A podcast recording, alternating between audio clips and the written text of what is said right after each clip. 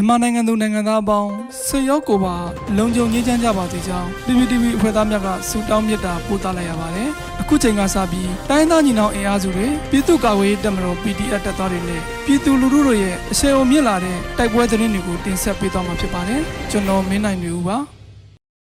ခင်ဦးမြို့နယ်ဗအိုးကျွရကိုဖျက်ဆီးခဲ့တဲ့စစ်အင်အား80ပါစစ်ကားနှစ်စီးကိုမိုင်းခွဲပစ်ခတ်တိုက်ခိုက်မှုစစ်သား9ဦးတက်မင်းတေဆုံးတဲ့တဲ့တင်တင်ဆက်ပါမယ်။ စကိုင်းတိုင်းခင်ဦးမြို့နယ်ဗအိုးကျွရကိုယမန်နေ့ကဝင်ရောက်ဖျက်ဆီးမိရှို့ခဲ့တဲ့စစ်အင်အား80ပါစစ်ကားနှစ်စီးကို PDF မဟာမိတ်များကမိုင်းဆွဲတိုက်ခိုက်ခဲ့ပြီးစစ်ကောင်စီတပ်ဖွဲ့ဝင်9ဦးတက်မင်းတေဆုံးသည်ဟုအတည်ပြုနိုင်ကြောင်းခင်ဦး RTGF မှတာဝန်ရှိသူတအုပ်ကပြောပါတယ်။ဇွန်လ23ရက်နေ့တွင်စစ်တပ်ကခင်ဦးမြို့နယ်ဗအိုးကျေးရွာကိုဝင်ရောက်ဖျက်ဆီးမိရှို့ခဲ့ပြီးနောက်ညနေပိုင်းတွင်ကျေးရွာမှပြန်လည်ထွက်ခွာကြောင်းပြန်လည်ထွက်ခွာခြင်းတွင်မိုင်းဆွဲခံရမည်ကိုဆိုရင်၍ကီလိုတရာဖြင့်အမြန်မောင်းပြေးတော်လဲနှစ်ကြိမ်တိုင်းမိုင်းဆွဲခံရပြီးပြစ်ခတ်တိုက်ခတ်ခံရကြောင်းသိရှိရပါတယ်။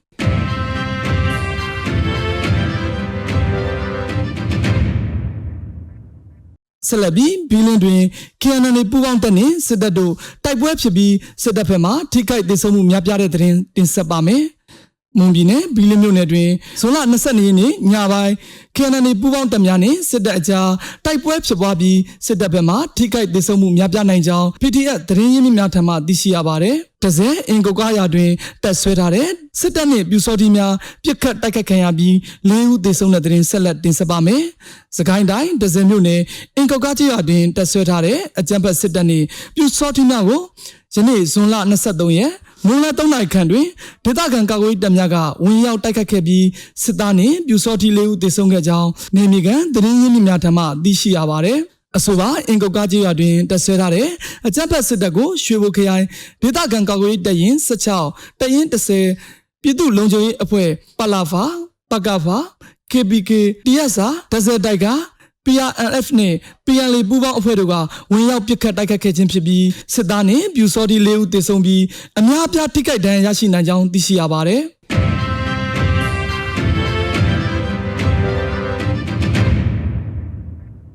နောက်ဆုံးအနေနဲ့အမျိုးသားညီညွတ်ရေးအစိုးရပြည်ထရေးနှင့်လူဝင်မှုကြီးကြပ်ရေးဝန်ကြီးဌာနက2022ခုဇွန်လ4ရက်ရက်စွဲနဲ့ထုတ်ပြန်တဲ့ပြည်သူ့ခုခံတော်လှန်စစ်တရင်အချက်လက်တွေကိုတင်ဆက်ပေးသွားမှာပါ။ အာနာသိန်းအကြံဖတ်စစ်အုပ်စု၏ပြည်သူလူထုအပေါ်အကြံဖတ်ဖိနှိပ်ဖမ်းဆီးတိုက်ခိုက်တပ်ဖြတ်နေမှုများကိုပြည်သူလူထုတရလုံးကအသက်ရှင်တန်ရေးအတွက်မိမိကိုယ်ကိုမိမိခုခံကာကွယ်ပိုင်ခွင့်အရာပြည်သူခုခံစစ် People Defense War ကိုဆွေးနွေးလျက်ရှိပါတယ်။